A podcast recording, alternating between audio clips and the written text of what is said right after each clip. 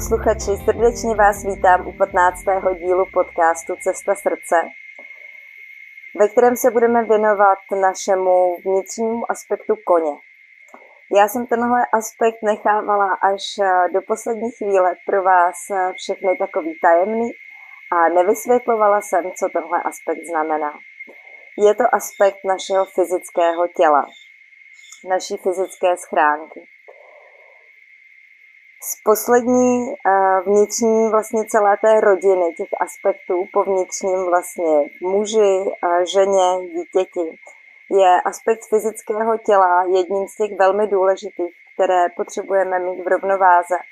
Protože naše fyzické tělo poskytuje naší duši chrám, poskytuje ten obal um, toho prostředníka, přes kterého můžeme ten vnější svět prožívat. A stejně tak jako eh, všechny předchozí vnitřní aspekty, patří i fyzické tělo opravdu k jedním nejdůležitějším. Naše fyzické tělo je náš věrný sluha, nástroj, přítel, rádce a chrám pro naší duši. Ve východních kulturách se dlouhé věky pohlíželo na tělo jako na zanedbatelnou část života, protože je pomíjivá. Rodí se a umírá jako všechno ve vesmíru. A vzhledem k víře v reinkarnaci bylo snadné s tělem dle toho nakládat. V naší kultuře se v počátcích eh, New Age na tělo také moc nenahlíželo.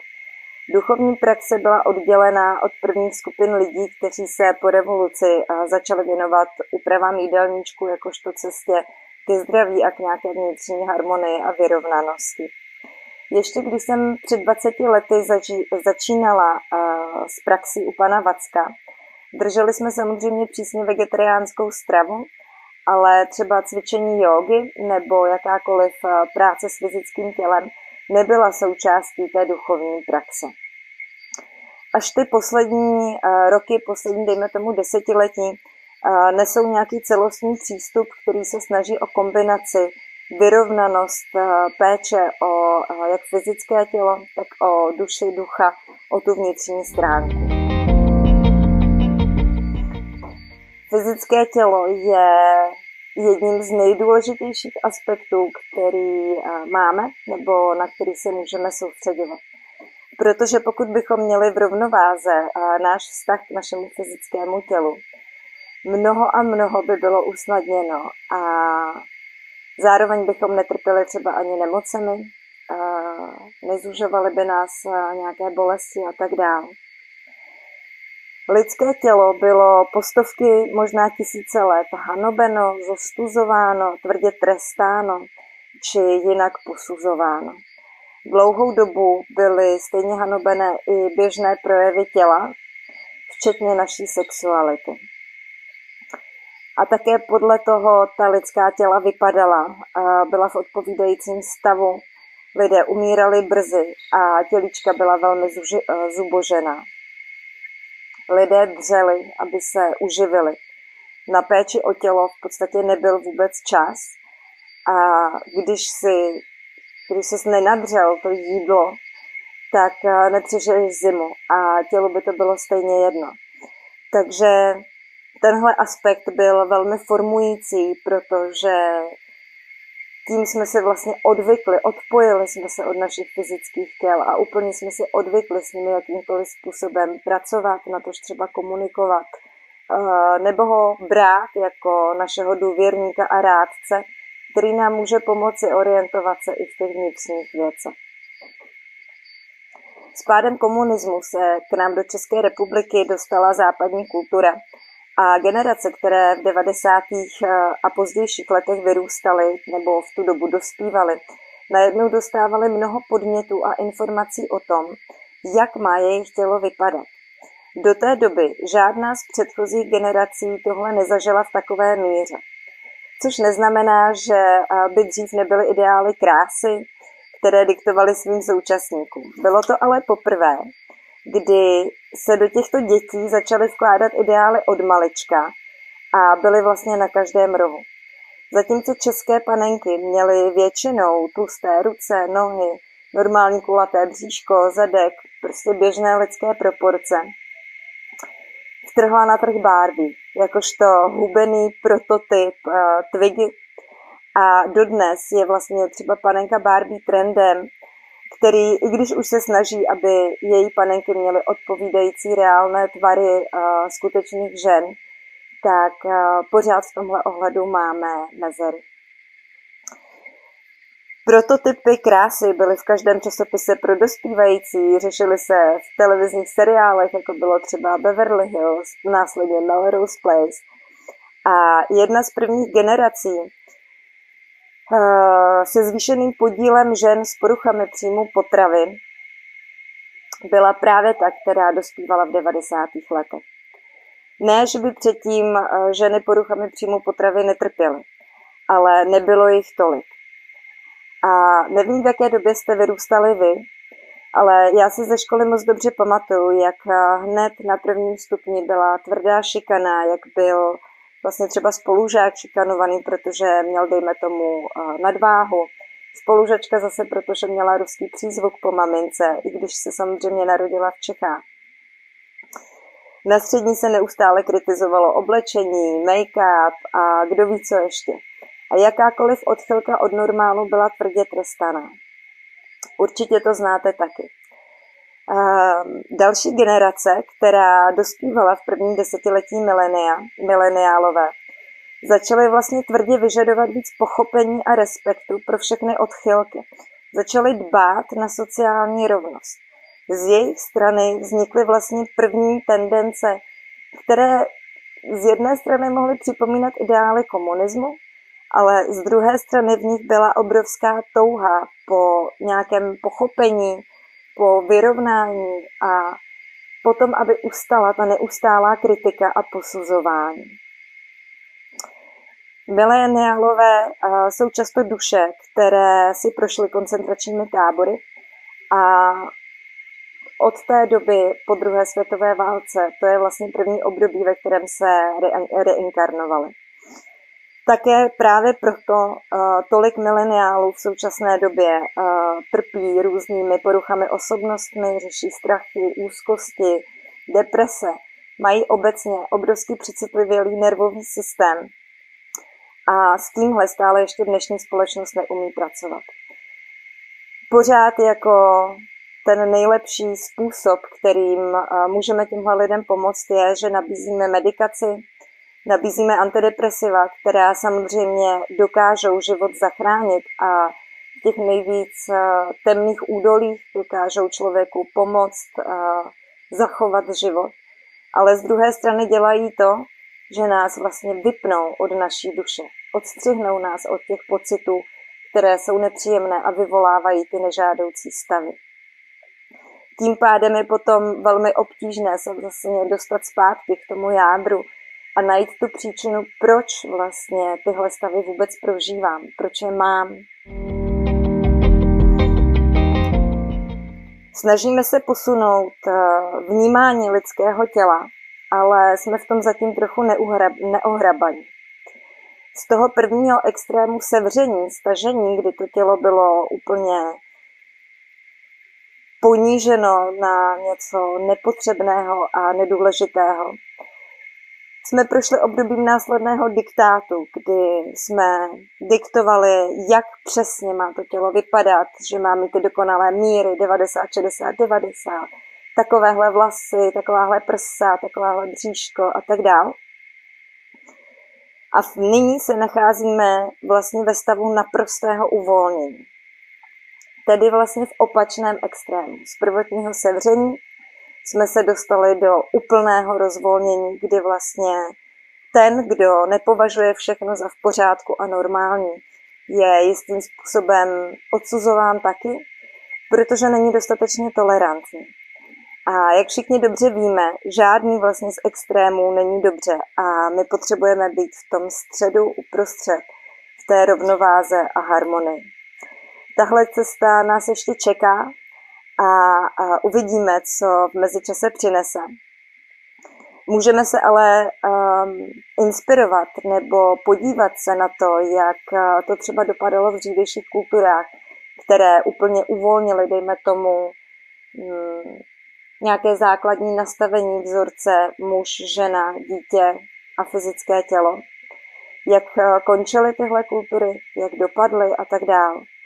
Zároveň je třeba eh, dnešním silným trendem eh, obezita, jakožto způsob, kterým vlastně dočerpávat dovnitř lásku.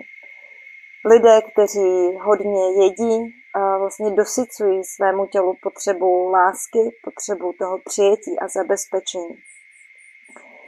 A nyní se snažíme pohlížet i na obezitu jako na normálnost, jako na běžný trend, ale z druhé strany všichni víme, že obezita je nemoc jako kterákoliv jiná a není potřeba tělo posuzovat eh, kvůli váze, jestli je eh, o pár kilo lehčí, než je nějaký střed, nebo naopak těžší. Ale z druhé strany není dobré se zase pohybovat mezi extrémními póly eh, totální vychrtlosti a nebo obezity. Tohle je teďka v současné době a v současné společnosti takový velmi tenký let, po kterém vlastně všichni opatrně nakračují a snaží se tam vypozorovat, najít nějakou zákonitost, něco, co by nám pomohlo se v tom dobře orientovat, najít si teda nějakou, nějakou tu středovou linii, po který je dobrý jít. Já věřím, že se to velmi brzy srovná, že vlastně dojdeme tomu středu a k té vyrovnanosti, aby jsme zbavili to fyzické tělo nebo ten aspekt toho fyzického těla jakéhokoliv posuzování a odsuzování, ale zároveň, abychom nevyvyšovali nebo nepokládali za správné um, vnímat tělo v jeho extrémech jako to zdravé a pozitivní. Obecně jsou posuzováním těla mnohem víc postižené ženy. Je to z toho důvodu uh, historického vývoje opět, kdy ženám byla od dávných dob odepřená ta původní rozkoš. Bylo nám odepřené spojení s tou naší vnitřní silou a energií právě přes rozkoš. A muži nikdy vlastně nemuseli řešit to, že by jejich tělo bylo považováno za nevhodné, nedostačující, že by bylo hříšné, že by bylo špatné, aby prožívalo uh, rozkoš. My ženy v tomhle máme, uh, dejme tomu, trošku handicap, protože naše tělo takhle stigmatizováno bylo a je pořád mnoho kultur, kde stigmatizováno je. Můžeme zmínit třeba ženské obřízky, můžeme zmínit různé, dejme tomu, kulturní odlišnosti, které jsou někdy vnímány pozitivně a někdy naopak negativně. Co se týká třeba arabských kultur, kde jsou ženy zahalovány, v tom jádru ta myšlenka vlastně byla míněná tak, aby žena uchovávala ty svoje klenoty pro svého partnera. A arabští muži uh, jsou, nebo byli vždycky zvyklí hodně se fixovat na oči a vnímat ženu přes oči, přes tu bránu té duše. Nicméně i současné arabské ženy, um, které vyrostly v téhle kultuře, jsou tak uh, zvyklé na to, že je to pro ně přirozenost a jistá forma ochrany. A i když třeba nám, západním ženám, tohle může přijít um, nevhodné nebo zbytečné, pro ně je to součást kulturního dědictví. To samé ale můžeme říct právě i třeba o zmiňované obřízce. Najít tedy hranici pro daný národ nebo kulturu, která bude v té rovnováze a v té vyrovnanosti, je kolikrát opravdu nadlidský úkol a čeká nás tom určitě ještě hodně práce. Mnoho žen za mnou přichází s tím, že nemají rády nejčastěji svoje bříško, svoje prsa a svůj zadeček a nebo stehna. Tyhle oblasti bývají vlastně na těle nejvíc stigmatizovány, protože eh, by bylo žádoucí, aby měly proporce odpovídající ideálu. Dlouho eh, jsem pracovala s dívkou, se ženou, která neměla ráda svoje bříško. Měla pocit, že je moc velké, moc tučné, moc ochlupené a tak dále. A byl pro ní problém se toho bříška jenom dotknout, nebo o něm mluvit, nebo se na něj třeba jenom dívat a tak dále. Tenhle okamžik eh, dochází vlastně k tomu, že už od malých holčiček poslouchá ta dívenka um, posuzování, souzení ze strany většinou té nejbližší eh, rodiny.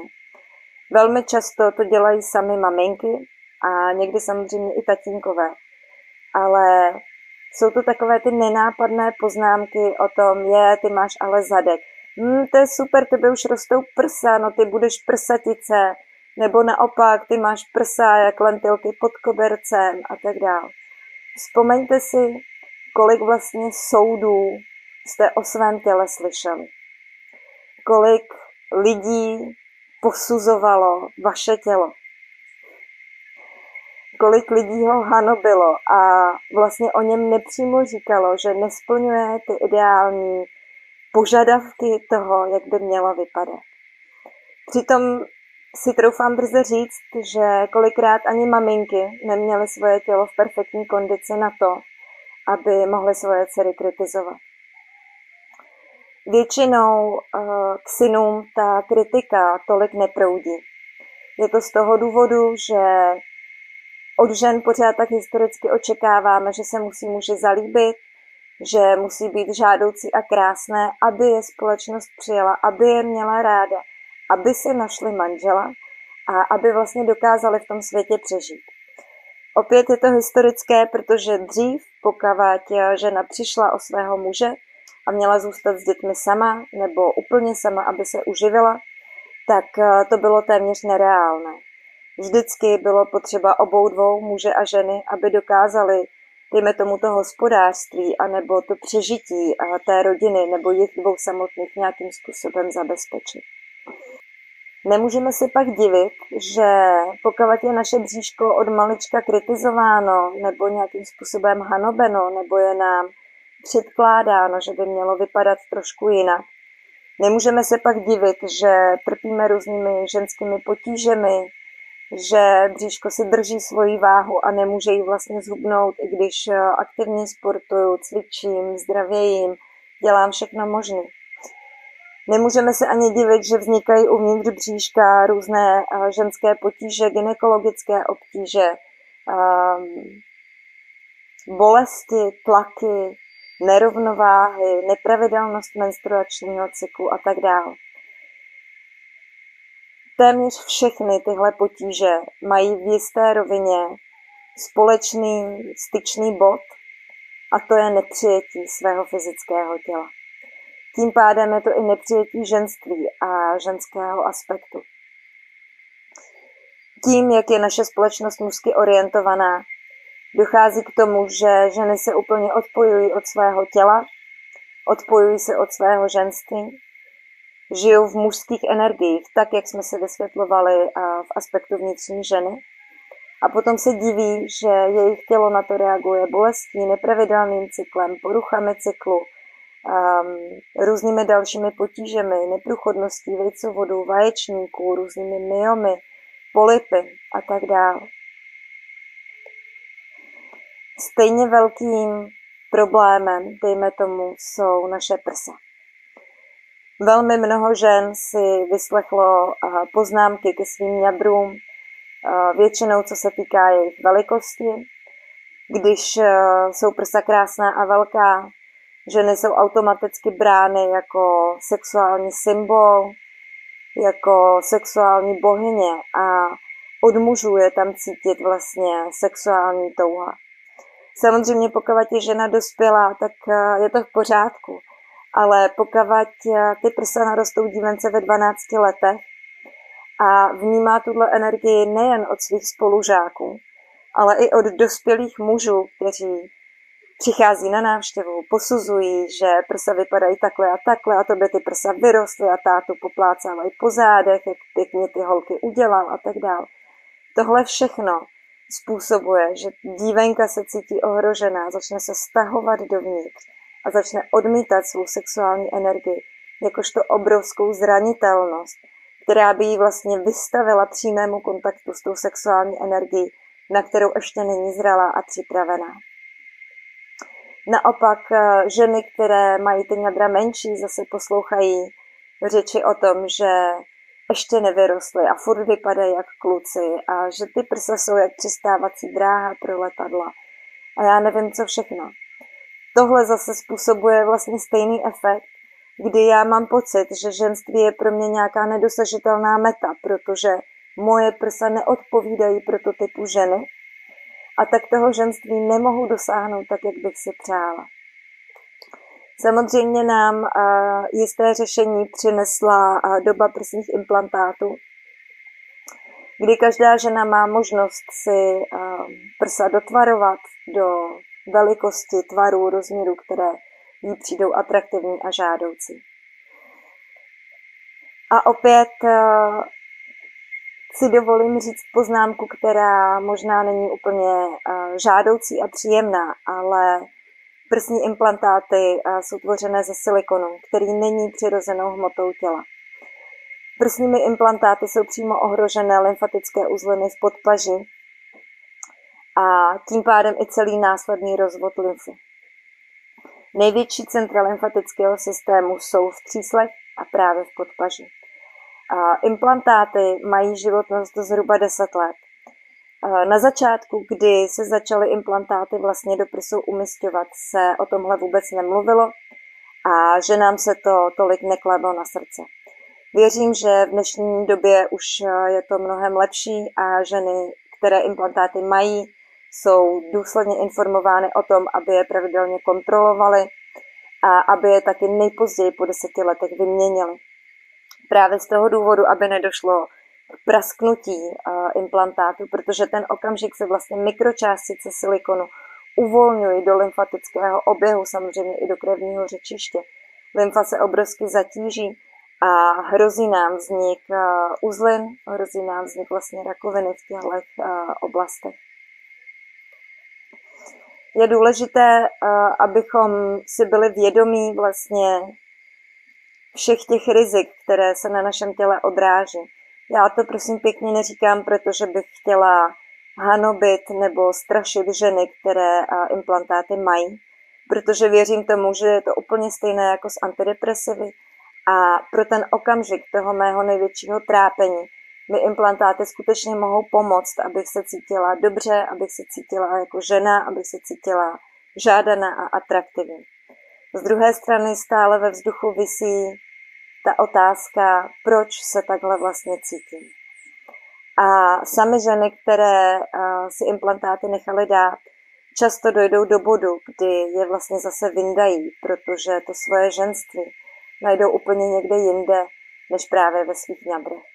Je to samozřejmě cesta, proces každé ženy, ale je důležité, abychom o tom prostě hovořili i ve veřejném sektoru, nebáli se těchto témat. A znovu opakuji, mým cílem není uh, žádné hanobení, ale naopak, uh, dejme tomu vnesení světla i do těchto témat, aby se ženy skutečně mohly začít uvědomovat, že svoji hodnotu mají obrovskou, bez jakýchkoliv vnějších zásahů, že jsou krásné a dokonalé tak, jak jsou, bez uh, ničeho, co by se muselo přidávat. Naše tělo je dokonalý nástroj. Je tak dokonalý, že ho zatím vlastně nejsme schopni plně pochopit. Nejsme schopni obsáhnout míru dokonalosti a všech jemných procesů a funkcí, které v rámci tohohle systému probíhají a které se tam uskutečňují. Samozřejmě medicína má mnoho informací a po té technické stránce je schopná logicky odvodit souvislosti, návaznosti různých procesů a dějů, které v rámci lidského organismu probíhají.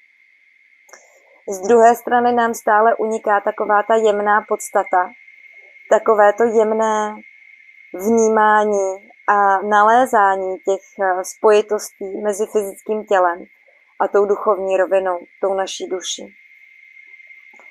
Je dobré si uvědomit, že naše fyzické tělo s námi zažívá všechno.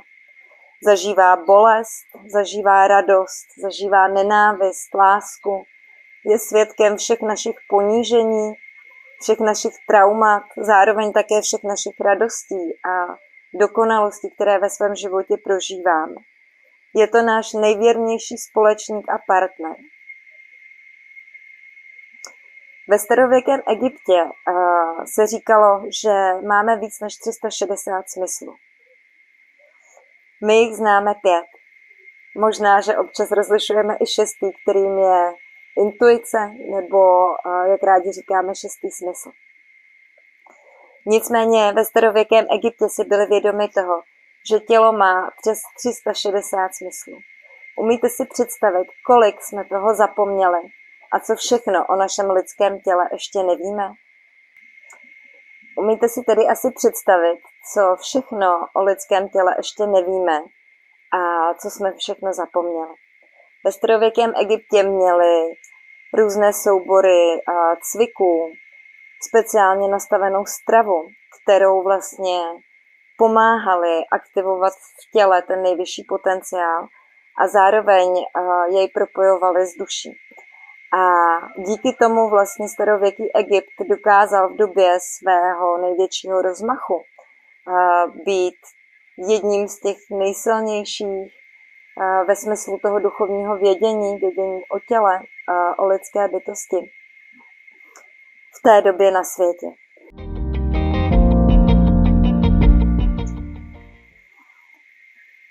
Jedním z takových, dejme tomu, tajemství, které do dnešní doby o lidském těle nevíme, nebo dejme tomu je nemáme přesně zmapované, je třeba hormonální systém.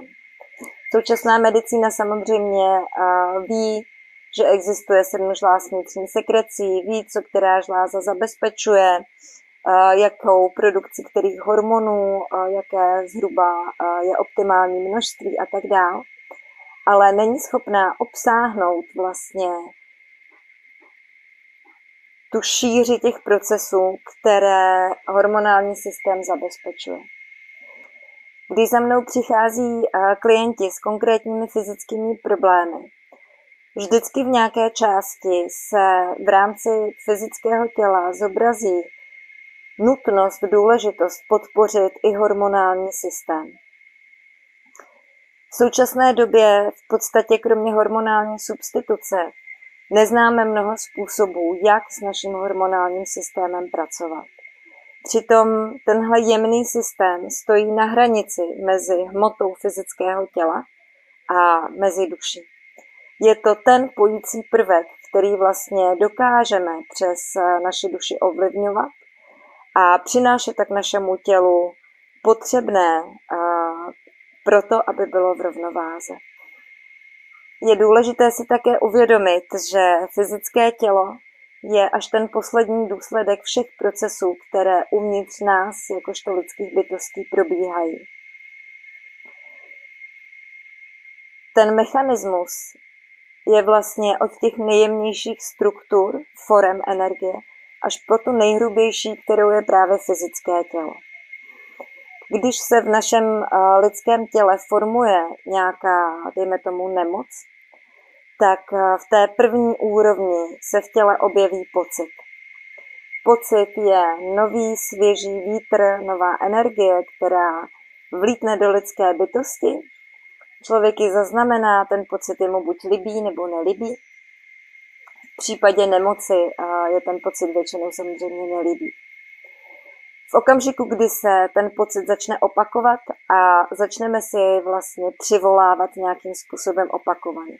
Ať už tím, že si vzpomenu na to, že mi ty pocity nebyly příjemné, že mě to bolelo, že to ve mně vyvolávalo tyhle stavy.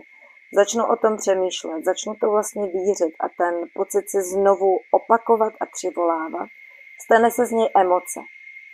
Emoce je vlastně opakovaný pocit z emoce potom uh, přichází vlastně tajemná energie do myšlenkového systému. Když tisíckrát zopakuju svoji emoci, kterou už znám, třeba dejme tomu vztek, Stekám se, vstekám se, stekám se po tisíci. Stane se tahle emoce mým myšlenkovým programem. Mojí vlastně obranou, mým ochranným mechanismem a v okamžiku, když ve mně něco vyvolá pocit nelibosti, automaticky, nevědomně se sepne tenhle mechanismus a já zareaguji vlastně vztekem, agresí, naštváním. Je to moje odezva na podněty zvenku, protože jsem se tohle naučil jako optimální reakci na ty pocity, které mi nebyly příjemné. A v okamžiku, kdy se v mé hlavě sformuluje myšlenkový program, tak už je jenom krůček tomu, kdy ten program se zhmotní i v té nejhrubší formě, tedy ve fyzickém těle. Tímhle způsobem vzniká v těle nemoc. Z prvotního pocitu se stane emoce, z emoce se stane myšlenkový program a z myšlenkového programu se dojde ke zhmotnění v rámci fyzického těla. Každá nemoc má tenhle mechanismus. Každá.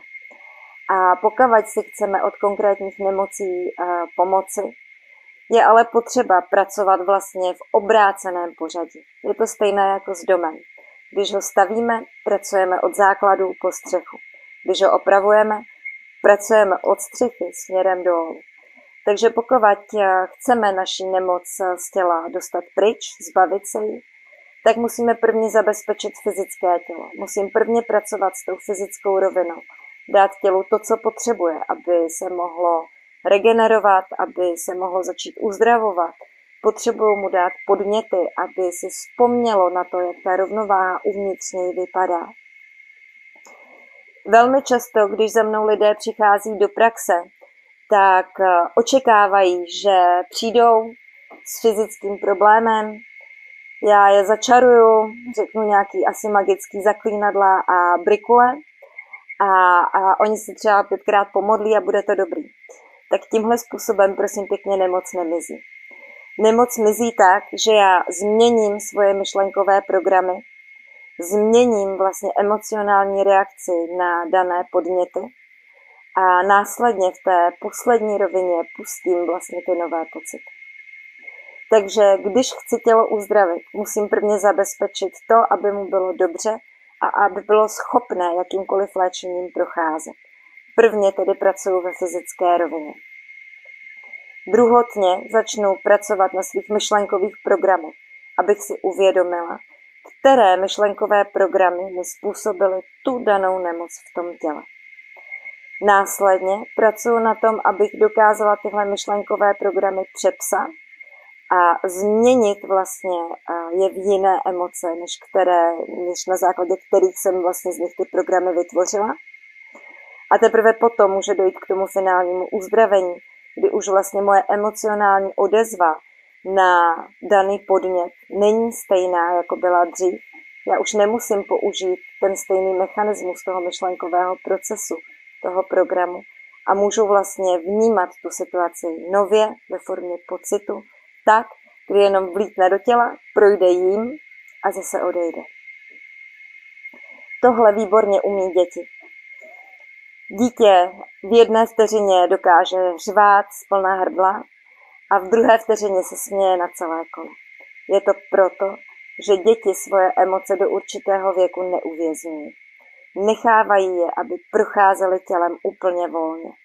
Takže v okamžiku, kdy dítěti přijde vztek, dítě se začne vstekat, začne křičet, kopat, dupat nožkama, mávat ručkama a tu emoci vlastně, nebo ten pocit z toho vzteku, který se dovnitř dostal, zase v pohodě úplně projde a vytlačí ven.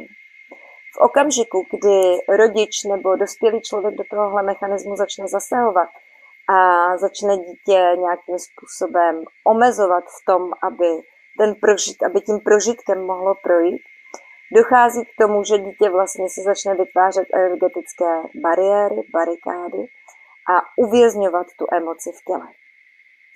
Ze začátku, ehm, nebo nefunguje to tak, že bych eh, hnedka od začátku uvěznila emoci v těle a v zápětí jsem byla nemocná.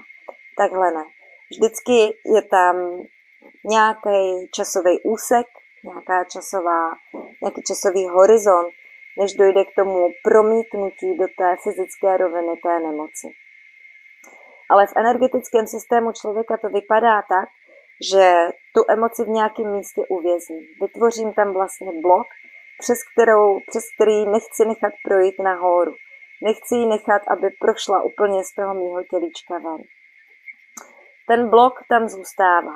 A pokaždé, když eh, se ta emoce objeví znovu, tak jakoby narazí na ten blok a nějakým způsobem ho obteče, obejde, ale v mnohem mírnější formě. Ve formě, kterou já se vlastně snažím získat kontrolu nad uh, tou emocí. Pokud ale um, není moje duše probuzená, je pro mě téměř nereálné, abych s tím dokázala adekvátně pracovat a abych to dokázala rozlišit. Tím, uh, jak je tam takový, dejme tomu, špunt energetický, kterým vlastně není umožněno, aby ta energie procházela, tak se na něj začnou nabalovat další a další situace, které zůstanou uvězněné v rámci toho místa. Tímhle způsobem vznikají ve fyzickém těle energetické bloky, které se potom rozvinou, pokud se s nimi nic nedělá, v následnou nemoc. Většinou v tom místě nebo v té oblasti dojde vlastně k úplnému uzavření a stagnaci té energie a objeví se tam ona nemoc. Tenhle mechanismus je uh, velmi důležité chápat ve vztahu k našemu fyzickému tělu a pracovat s ním. Proto je tak důležité uvědomovat si svoje myšlenkové programy, proto je tak důležité vlastně pracovat na tom, abychom je přepisovali a měnili. Myšlenkové programy vznikají vlastně na základě našich nespracovaných emocí a prožitků. A jak už jsme si vysvětlovali u aspektu vnitřního dítěte, tenhle proces vlastně velmi často máme uložený nebo spojený s tím dětským věkem. Je to proto, jak jsem říkala v minulém díle podcastu, že v okamžiku, kdy začneme vládnout řeči, tak se všechny informace ukládají do naší vědomé paměti. Tím pádem, když chci vlastně dopátrat nějakou prvotní situaci, příčinu, kde jsem začala vlastně tenhle myšlenkový program používat, velmi často nás to vrací do dětství. Ale jak jsme si vysvětlili, um, to nastavení, to, proč se mi vlastně zrovna tyhle zkušenosti začnou dít, proč to takhle vlastně já mám, když třeba druhý to takhle vůbec mít nemusí.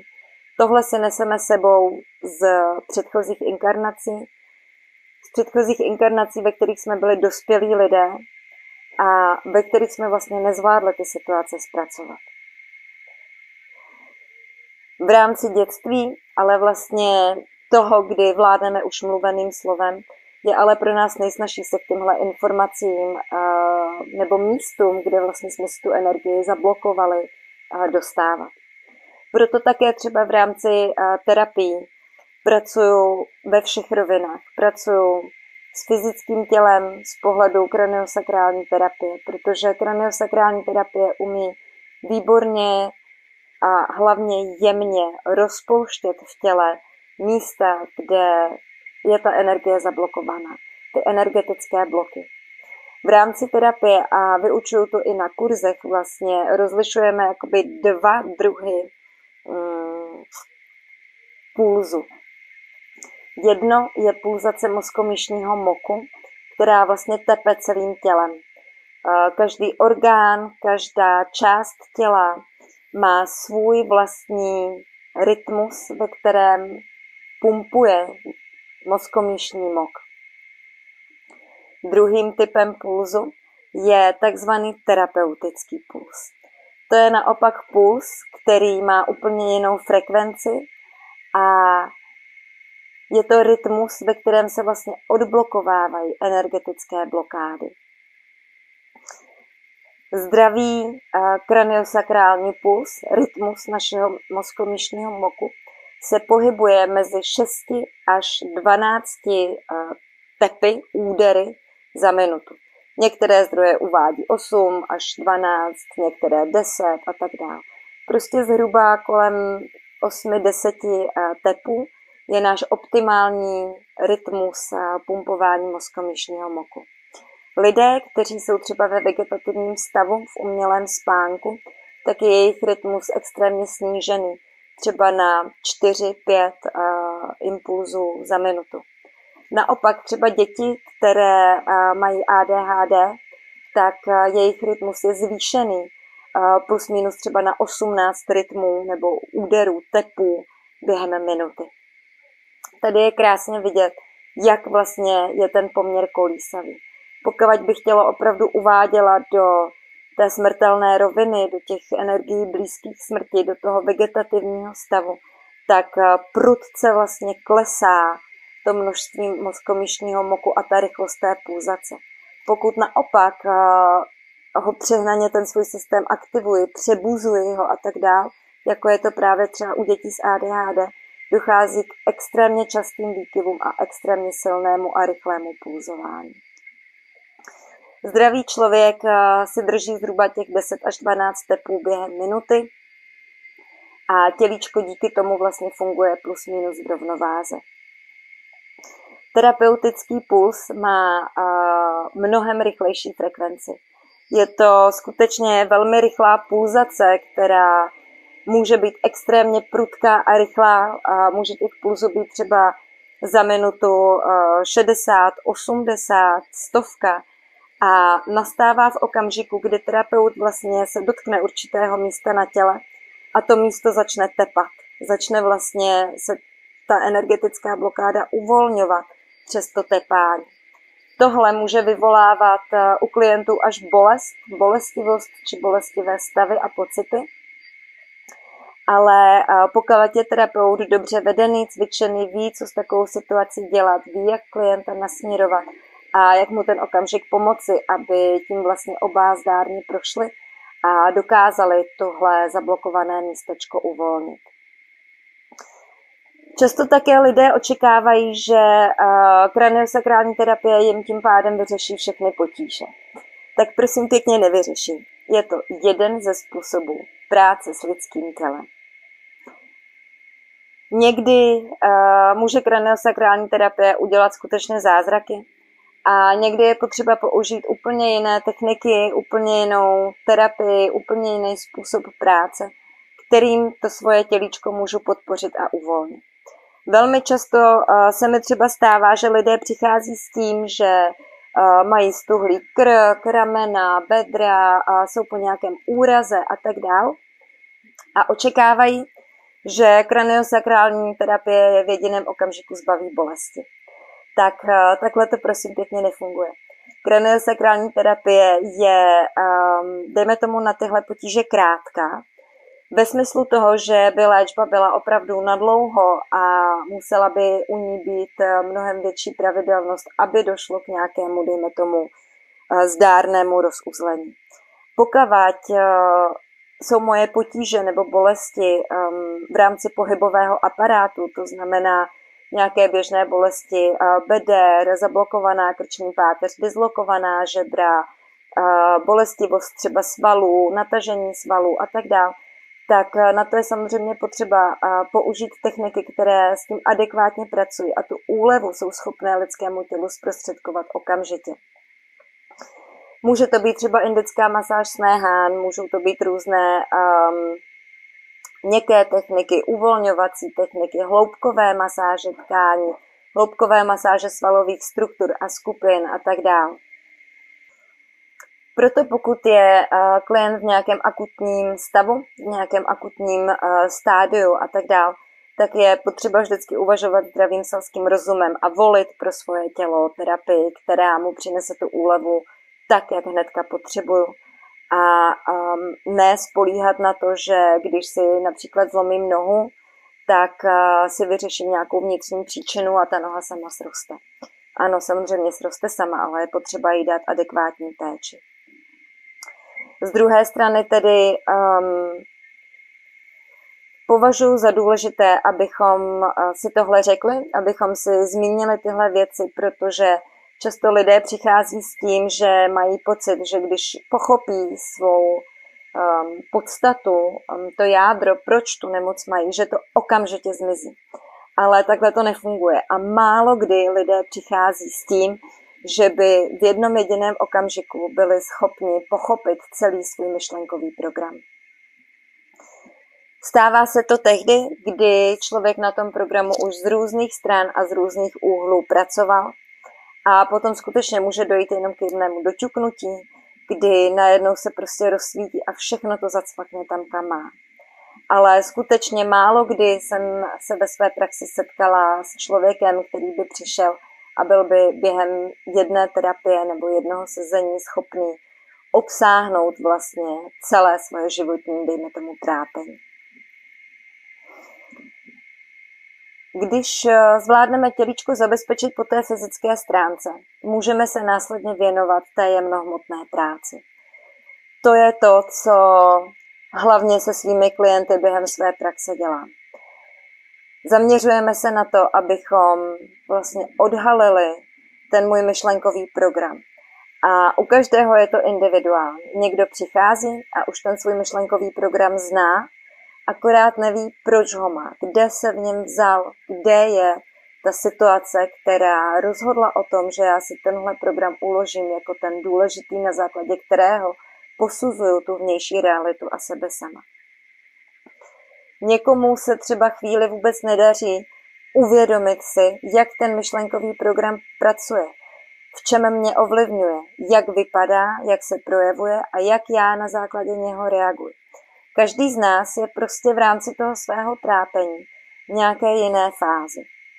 A v okamžiku, kdy já dokážu ten myšlenkový program pochopit, dokážu si uvědomit, kdy ho vlastně začnu používat, které situace z vnějšího světa mi tenhle můj program spouští, tak mám už z obrovské části vyhráno, protože došlo k uvědomění. A následně už je potřeba se věnovat jenom přepisování toho svého myšlenkového programu a dejme tomu nahrazení tohoto programu nějakým novým, který pro mě bude funkční a bude pro mě vyživující a podporující. Můžeme říct, že tohle byla trošku taková odbočka od fyzického těla, ale nebyla. Protože fyzické tělo nebo lid, člověk, lidské bytí je souborem fyzického těla a všech jemnohmotných těl, které máme okolo sebe. Je to prostě jeden mechanismus, jeden člověk, jeden dokonalý stroj, který má mnoho rovin fungování. A právě tohle je důvod, kdy ve své praxi používám různé kombinace různých technik, různých způsobů, jak člověku pomoct. Často lidé přichází a mají nějaká očekávání. Očekávání toho, že si lehnou na stůl, já je namasíruju a bude po problému. Tehdy třeba zrovna masáž nedostanou a dostanou návod na to, jak pracovat se svými myšlenkovými programy, aby je byli schopni pochopit, uvolnit, uvědomit si a následně je začít přepisovat. Někdy se musíme třeba vracet do minulých životů, do minulých inkarnací a hledat tam to skutečné jádro, protože člověk ho třeba může mít zpracované z tohohle života, může si být svého myšlenkového programu vědomý, ale nemůže odhalit tu skutečnou příčinu, která bývá velmi často schovaná hodně, hodně hluboko. A pokud eh, to můžu takhle zobecnit, tak eh, skutečně velká část troufnu si říct, že snad všechny traumata, která máme, naše myšlenkové programy, pochází původně z našich minulých inkarnací, kdy jsme jakožto dospělí lidé nedokázali ty situace zpracovat a přijmout a přenesli jsme si je do toho současného života. A od útlého věku, od toho prvního semínka, které je vědomé v rámci bříška maminky, si přitahujeme situace, informace, lidi do svého života, kteří nám lásky plně pomáhají a ukazují, jak tohle svoje téma, trauma, můžeme vlastně zpracovávat.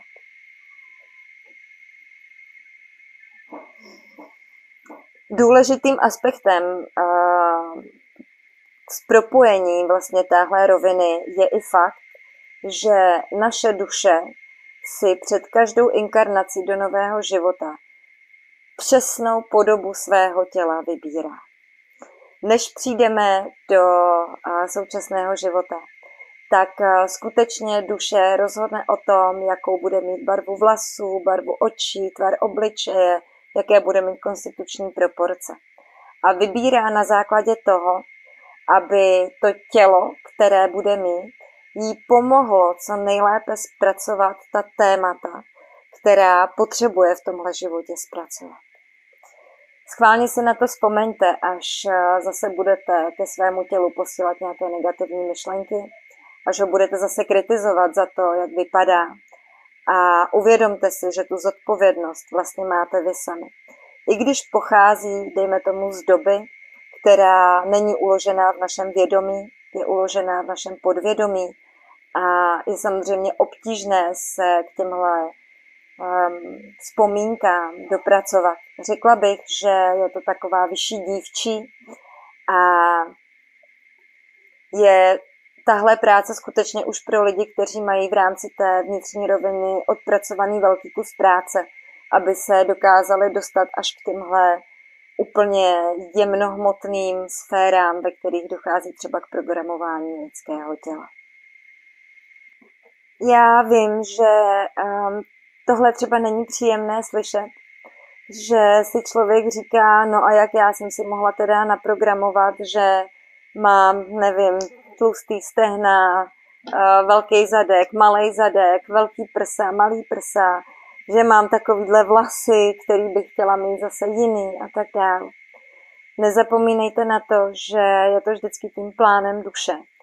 A naše fyzické tělo skutečně i odráží náš vnitřní stav.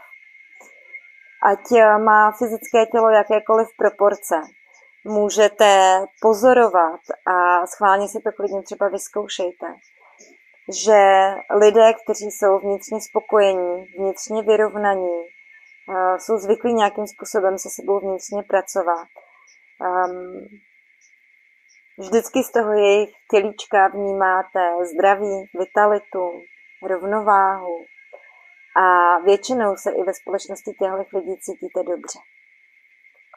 V okamžiku, kdy já dokážu svoje fyzické tělo přijmout a adekvátně mu opětovat tu lásku za všechny ty služby, které pro mě dělá, tak fyzické tělo roste a kvete a je vitální, plné síly a energie.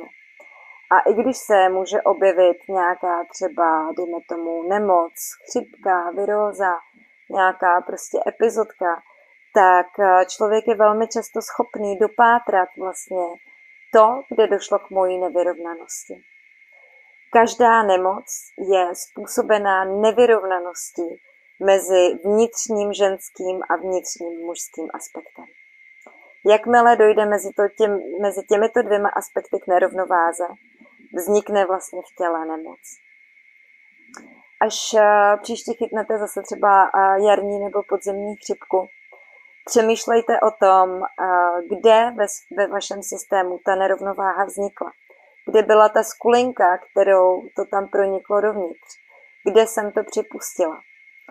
A z druhé strany to není zase pobídka k tomu, abyste se mrskali, abyste na sebe byli voškliví, kritizovali se za to, že jsem třeba tu chřipku chytla.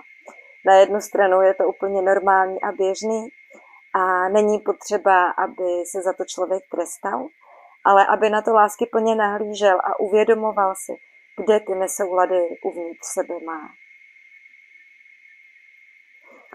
Téma fyzického těla je téměř nevyčerpatelná studnice informací, o které bychom mohli skutečně mluvit hodiny a hodiny.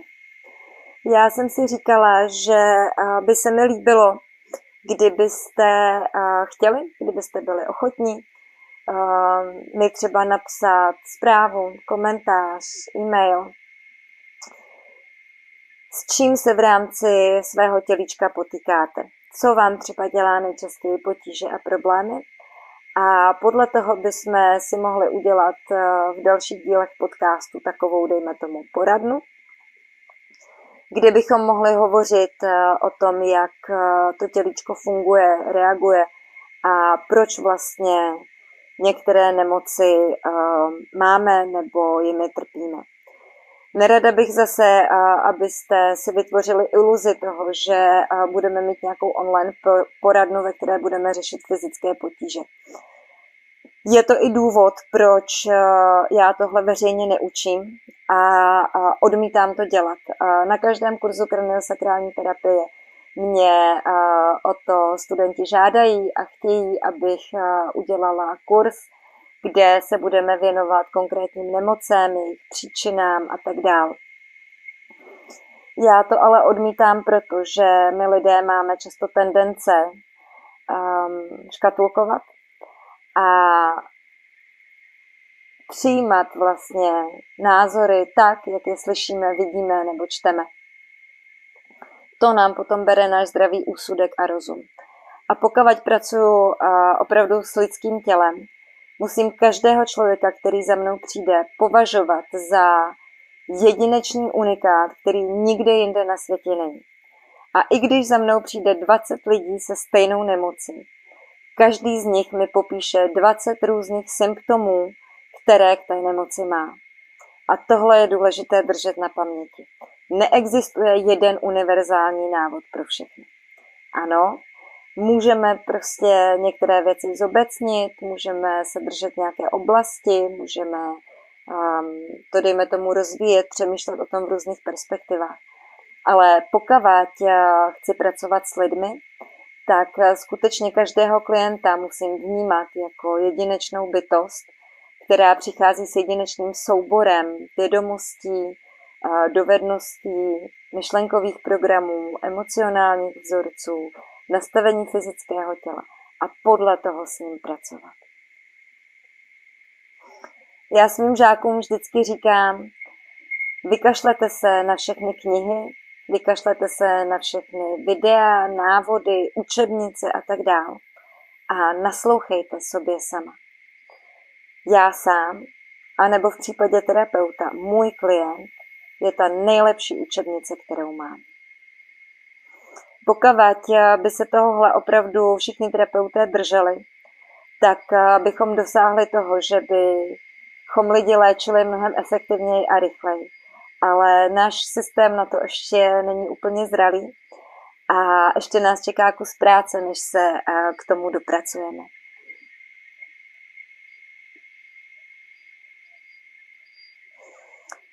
Doporučuji vám, abyste se svým tělem navazovali trvalý dialog.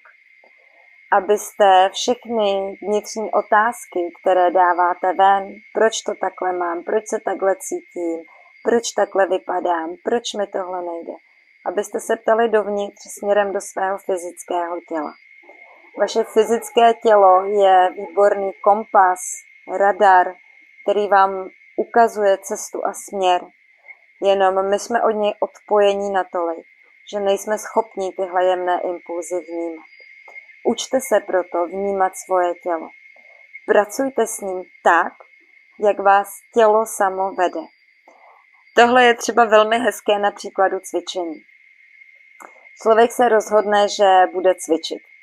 A všichni víme, že nás to občas stojí nějaké přemlouvání, odříkání, takové jakoby popření, a, a občas i docela pevnou vůli, abychom se k tomu cvičení skutečně dokopali.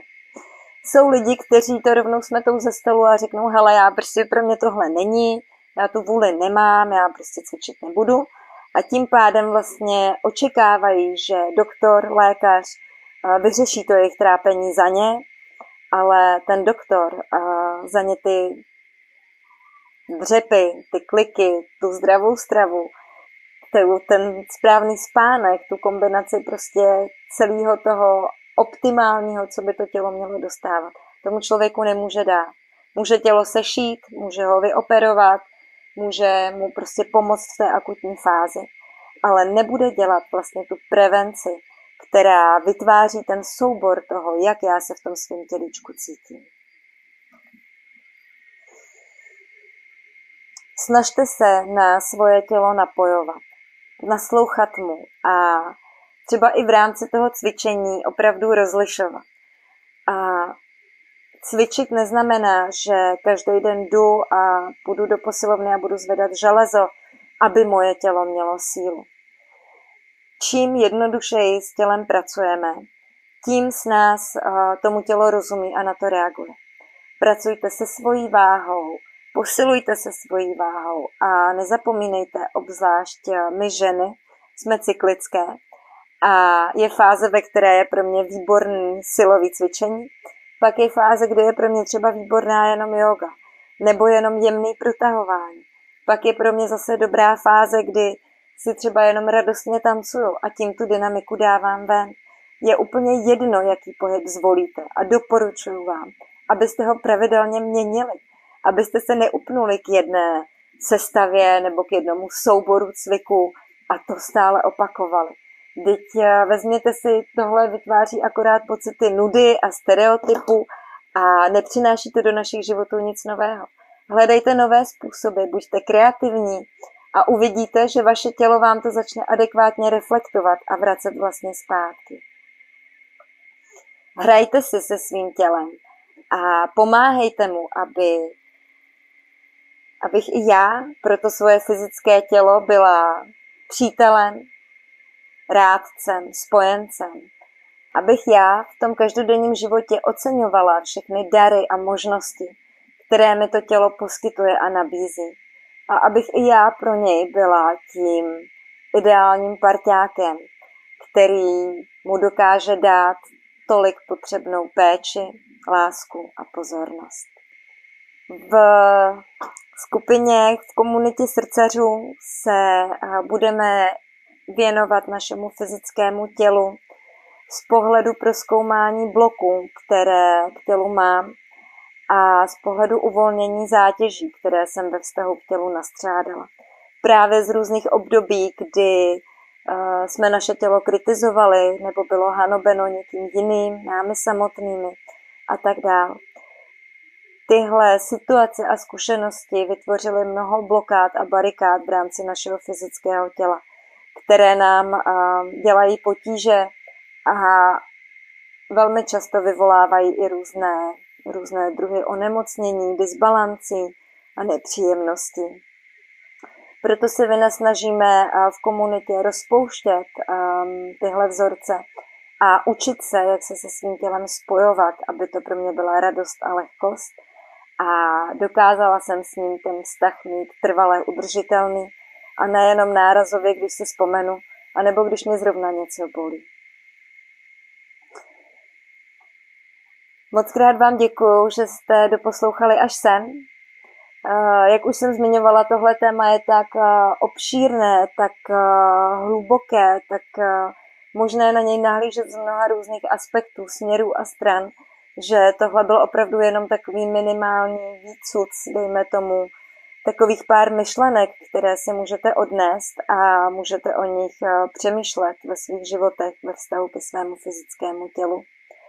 A věřím, že vám přinesou zase další uvědomění anebo motivaci, jak třeba se svým tělem pracovat trošku jinak, bez tlaku, bez násilí, které na sobě občas umíme všichni páchat, ale v takové té jemnosti a otevřenosti.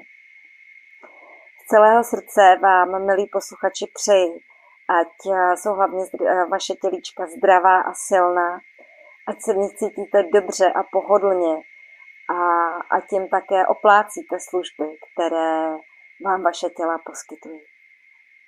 Mějte krásné dny a brzy zase naslyšenou.